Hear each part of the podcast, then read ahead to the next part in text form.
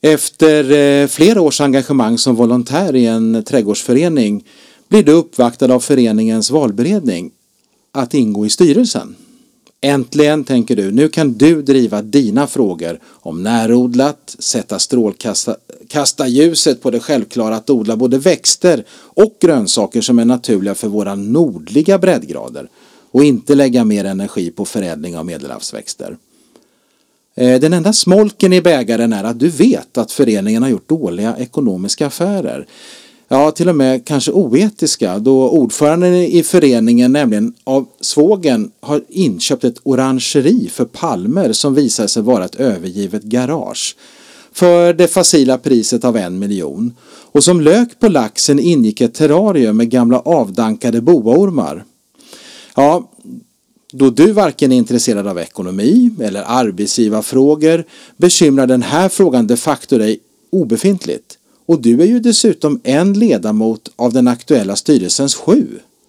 Vad har man som styrelseledamot för ansvar? Skiljer sig ansvaret ifrån ordföranden och kan man som styrelseledamot delegera bort eventuellt ett ansvar? Det och andra saker ska vi prata om i några minuter.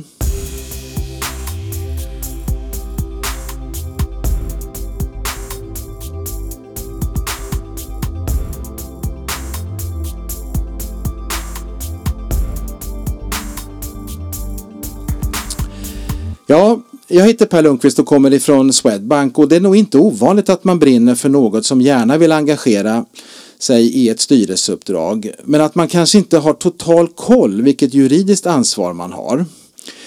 Jag har glädjen att ha Monica Lysholm med mig här som är förbundsdirektör i IDEA och jag undrar Monica, vilket ansvar har man som styrelseledamot egentligen? Att till att börja med så måste man konstatera att utgångspunkten är att styrelsen är solidariskt ansvarig. Med andra ord, alla ledamöter har lika stort ansvar i styrelsens arbete och beslut oaktat vilken roll man har. Samma krav ställs alltså på varje enskild ledamot. Ja, men, men, men en ordförande eh, ger inte den rollen på något sätt eh, ett större ansvar? Jag menar, ordföranden är ju till exempel oftast den som representerar styrelsen utåt, där verksamhetens ansikte eh, och kallar till möten etc. Jag tänker rent generellt mer så här att har man som styrelseledamot en speciell sakkunskapsområde då bör man också förvänta sig att man kan den, det området bättre än övriga ledamöter. Alltså rent konkret. Om jag till exempel sitter i en styrelse och samtidigt har eh, ekonomisk eh, kunnande då ska jag kunna ta större ansvar i det arbetet. Och en ordförande, ja, det är ju en person som verkligen ska ha koll på hela föreningens verksamhet och ha därmed maximal tillsyn, insyn och kunskap om föreningen. Men i mina öron så låter det ändå som att det är ordföranden som ja, trots allt blir lite mera ansvarig i vårt exempel med orangeriet. Och dessutom verkar det ju som styrelsen har blivit förd bakom ljuset och den här affären har ju skadat föreningens ekonomi ganska rejält. Ja, i det här exemplet där har ju ordförande ett klockrent större ansvar. Det blir ordförande som bär hundhuvudet. Jag menar sälja in ett garage som påstås vara ett orangeri och man dessutom får betala en jättestor summa pengar.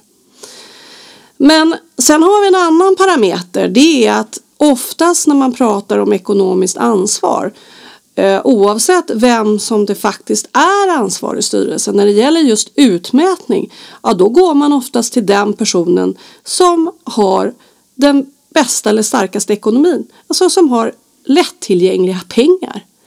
Deepest pocket som man säger slarvigt på engelska. Jaha, det här tror jag nog inte är speciellt bekant eh, i ideella organisationer. Eh, och då ställer sig man ju naturligtvis frågan, finns det ingen möjlighet att delegera bort sitt styrelseansvar? Ja, till viss del. Styrelsen ansvarar ju i tre, för tre områden kan man säga. Ekonomi, arbetsmiljö och arbetsgivaransvar. Och Ekonomi och arbetsgivaransvar, ja, det kan man delegera bort förutsatt att det sker tydligt och därmed rekommenderar jag att det ska vara skriftligt. Men det som är lite mer ovanligt är ju då att arbetsmiljöansvaret det går inte att delegera bort helt och fullt utan bara egentligen arbetsuppgifterna. Så i vårt exempel med den här trädgårdsföreningen då skulle jag som ledamot vara mycket mer orolig för de här avsomnade avdankade boaormarna som ligger i terrariet än det övriga. Ja, är mycket intressant. Och eh, om jag skulle försöka mig på en summering Monica så kan man säga då att styrelsen är alltid solidariskt ansvarig. Ansvaret kan delegeras bort med undantag gällande arbetsmiljöansvaret. Och ska det delegeras bort, kom ihåg, var alltid tydlig och framförallt det ska vara skriftligt. Är det rätt uppfattat? Helt rätt uppfattat Per. Och vill man veta mer om det här området då kan man gå in på Ideas hemsida www.ideella.se Tack så mycket Monica, det var allt för oss den här gången och eh, vi hoppas på ett snart återhörande med eh, nya poddar. Ses nästa gång Per. Tack, hej!